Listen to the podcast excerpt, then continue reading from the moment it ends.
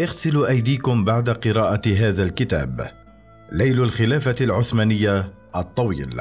للكاتب سعد القرش. في معظم البيوت العربية ستجدون اشخاصا مسهم طيف من الدراما التركية وأسمع من أصدقائي وصحفيين حوارات حفظوها من مسلسلات تجعل السلاطين المؤسسين في مصاف العباقره الملهمين.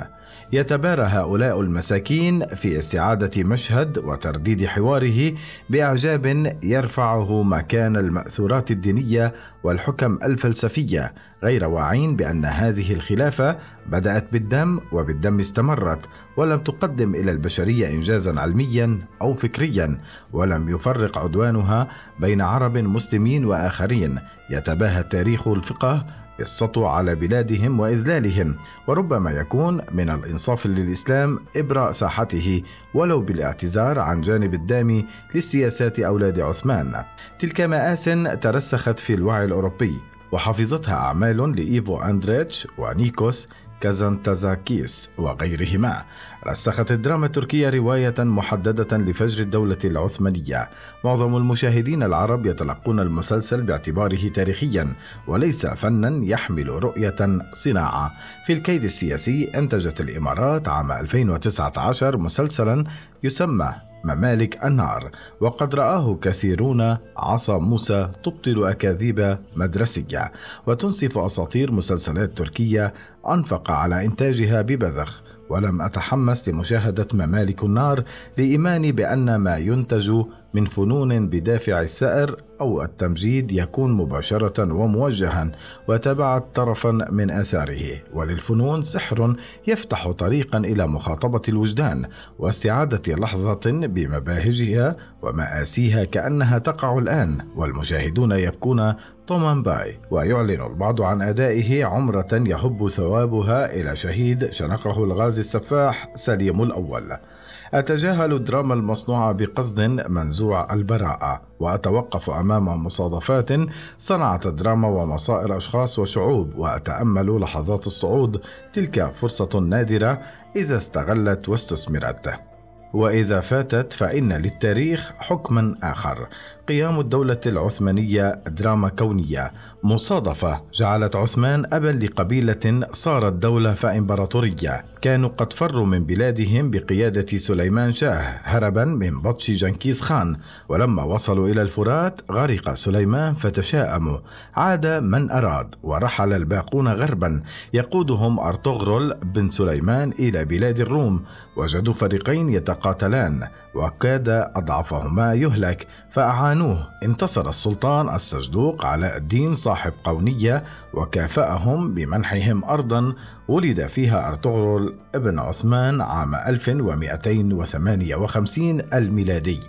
يقال إن عثمان ولد يوم سقوط بغداد. وسوف ينفذ سليم الأول باجتياحه القاهرة جرائم جنكيز خان مع العراقيين. قصة الصعود العثماني سجلها باختصار نعوم باكشقير في كتابه الضخم تاريخ سينا. كبر عثمان وأغار على أعداء علاء الدين الذين أعلنه أميرا وأسدى إليه لقب الغازي عام 1299 أما محسن عبد العزيز فيرصد ما بعد الدولة. ومن كتابه ليل الخلافة العثمانية الطويل سيرة القتل المنسية يتسرب الدم إلى يدي كلما قرأت فصلا عن سلطان يضحي بابنه أو أخيه الصغير خشية أن ينازعه في الحكم. يجف الدم وأبدأ فصلا آخرا فأجد سلطانا جديدا أكثر إسرافا في القتل واستحلالا للدم بفتوى من المفتي. قبل عامين من غزو مصر. قاد سليم الأول الذي حظي بشارع في القاهرة حتى عام 2018 جيشا لمحاربة الشاه إسماعيل الصفوي ولم يساعده على الدولة. حاكم إمارة ذو القادر التركمانية عندما مر بأرضه يذكر كتاب الفتح العثماني للشام ومصر أن سليم أمر بعد الحرب بالقضاء على علاء الدولة وأرسل جيشا وهزمه وقطع رأسه مع رؤوس أربعة من أولاده وثلاثين وأعطى ولاية ذو القدار لعلي بن شهسوار الذي سيتولى إعدام طمان باي. ولا أجد كلمة أكثر دلالة من الاستلاب. في وصف كتابات مصريين لا يستنكرون استعمار بلادهم وإنما يسمونه الفتح ويرسخون خطأ تاريخيا يدل عليه عنوان كتاب الفتح العثماني للشام ومصر.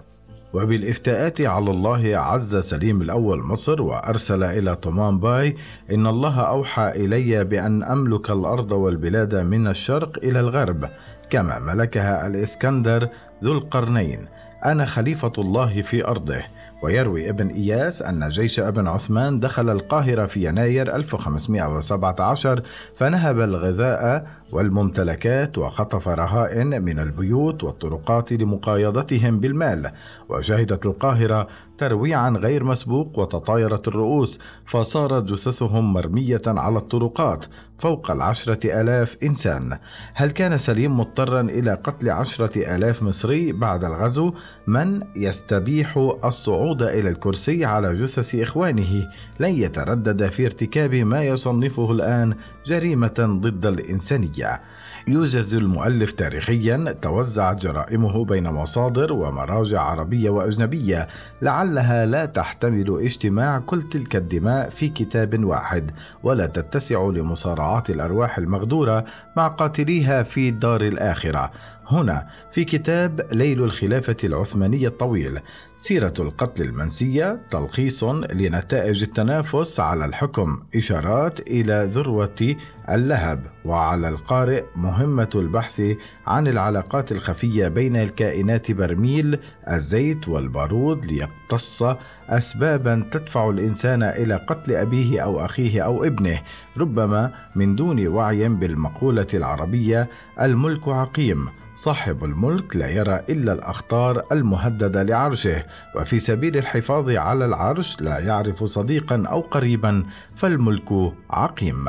قبل التفاخر بالسلطان محمد الفاتح ربما وجبت التفرقة بين الدين والسياسة ما اقترفه الفاتحون لا علاقة له بالدين الإسلامي كما لا يسأل الدين المسيحي عن الحروب الصليبية يسمي المؤلف الأشياء بأسمائها فيورد قول ابن خلدون في مقدمته إن أقل الأقوام حضارة أعظمها فتوحات ومن هذا التعميم يذهب إلى وصف الإمام محمد عبده لما سمي بالفتوحات الإسلامية بأنها أعمال سياسية حربية تتعلق بضرورات الملك ومقتضياته السياسية. السلطان كلف المهندس المعماري عتيق سنان ببناء مسجد كبير والرجل اعزر المعماريين في التاريخ العثماني بتشييده 470 بناية منها 160 مسجدا. أكمل مسجد قبة السماء ولم يعجب محمد الفاتح فأمر بقطع يد سنان ثم إعدامه. حكاية سنان والسلطان مرجعها كتاب المؤرخ البريطاني فيليب مانسيل القسطنطينية المدينة التي اشتهاها العالم. وهو مصدر أساسي في كتاب محسن عبد العزيز ولعل أخطر ما استحدثه محمد الفاتح وظيفة مفتي القسطنطينية. وأطلق عليه شيخ الإسلام وصار الرجل الثالث بعد السلطان والصدر الأعظم. ومهمته تحليل جرائم السلطان الذي كان يرى أن ابنه وارث العرش أيا كان. يجب عليه أن يقتل إخوته من أجل مصلحة الإمبراطورية. وصار هذا قانونا عثمانيا يستند إلى مسوغ شرعي. السلطان الفاتح هرب منه أخوه وأقام في روما وهنا لاحقه وقتله بالسم. بهذا القانون تذرع سليم الأول الذي قتل أخويه وأربع من أبنائه ووضع السم لأبيه بايزيد الثاني. في كتاب فيليب مانسيل يورد أن الدولة العثمانية برعت في استعراض جماجم وجثث ضحاياها رؤوس الوزراء تعرض على أعمدة مرمية في فناء القصر وفي مكان البطاقة الإرشادية للوحات الفنية تكتب تهمة صاحب الرأس المقطوع ولا يساوي القتل بين الناس. فرؤوس الضحايا الأقل شأنا تعرض في الكوات على جانبي الواجهة الخارجية للقصر. التمييز الطبقي يمتد أيضا على مواد حشو الضحايا فالقطن للوزراء والقش للبؤساء وكانت معارض الرؤوس المقطوعة تقليدا يشبه معارض الفنون التشكيلية لدى الأمم المتقدمة. وكان الجمهور التركي وكان الجمهور التركي يقبل على عرض الرؤوس لأنها تؤكد اعتقادهم بأن المقتولين كانوا مصاصي دماء. وكانت المذنبات يؤخذ في أجولة تثقلها الحجارة وتلقي في البوسفور. بقانون القتل قتل سليمان القانوني ابنه مصطفى ولي العهد وقاد جيشا وهزم ابنه أبا اليزيد عام 1559 وذبحه هو وأولاده الخمسة. وبعد القانوني حكم ابنه سليم الثاني الذي مات مخمورا وتكتمت زوجته خبره حتى يصل ابنه مراد الثالث إلى العاصمة.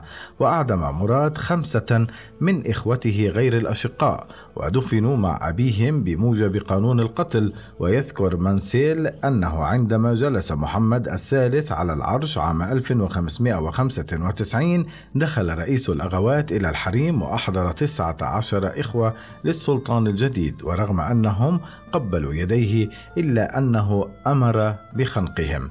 وبلغت القسوة بالسلطان أن انتزع طفلا من ثدي أمه وخرج لبن الأم من أنفه لحظة خروج الروح. يكفي هذا القدر من الدماء أنظر إلى السجل الخلافة فيسعفني عنوان كتاب أبي الحسن الندوي. ماذا خسر العالم بانحطاط المسلمين؟ وأتساءل ماذا خسر الإسلام والمسلمون بصعود العثمانيين؟ أنتظر دراسات علمية بريئة من الانتقام وواعيه بأن الخلافة ليست من الدين. للإجابة عن سؤالي ويبقى سؤالي الدين والحداثة. وارتعاش المشايخ المحيطين بالسلطان بايزيد الثاني 1481 1512 وإفتائهم بحرمة المطبعة في نهاية القرن الخامس عشر.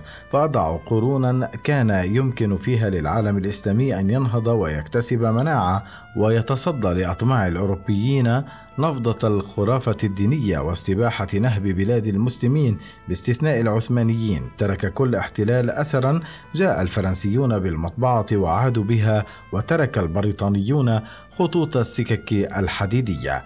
يذكر جمال حمدان في كتابه العالم الإسلامي المعاصر أن الدولة العربية انتهت على يد الغزو التركي وليس الغزو الصليبي وأن العثمانيين استعمار ديني وأن تركيا لم تظهر على مسرح السياسة العالمية إلا على دعوة الإسلام وإلا بعد أن قفزت على خلافة الإسلام قفزا وربما اغتصابا. وأنها انقلبت بعنف وعصبية من النقيض إلى النقيض حين وجدت أن الدين لم يعد سلاحا سياسيا مؤثرا في يدها أو يحقق لها وجودها الإمبراطوري الزائل. فكانت الكماليه كما يقدر البعض ثورة على الدين. الدين السياسي على الأقل بقدر ما كانت ثورة من أجل الوطن. فهل ابتلعت تركيا الحالية مرارة هزيمتها قبل مئة عام الإجابة بالنفي ولا يزال الاستعلاء التركي استمرارا للصلف العثماني. يقول الرئيس التركي رجب طيب أردوغان إن تركيا أكبر من حدودها الحالي وسنتصدى لمن يحاولون تحديد تاريخ تركيا وأمتنا بتسعين عاما في حلم بالعودة إلى حدود ما قبل الهزيمة في الحرب الأوروبية الأولى أما عمر فاضل ولا أعرف صفته الرسمية فيحلم بتركيا العظمى ويهدد في جلسة رسمية لعلها في البرلمان حيث يقف الحضور يصفقون بحماسة بأن بلاده تنتظر أن يحين الوقت وتنضج الظروف ويكون التاريخ غير مناسب للجغرافيا الحالية. ستصبح كركوك المحافظة التركية رقم 82 وتكون الموصل المحافظة رقم 83 ولن تكون هناك قوة قادرة على الوقوف ضد استرجاع هذا الحق.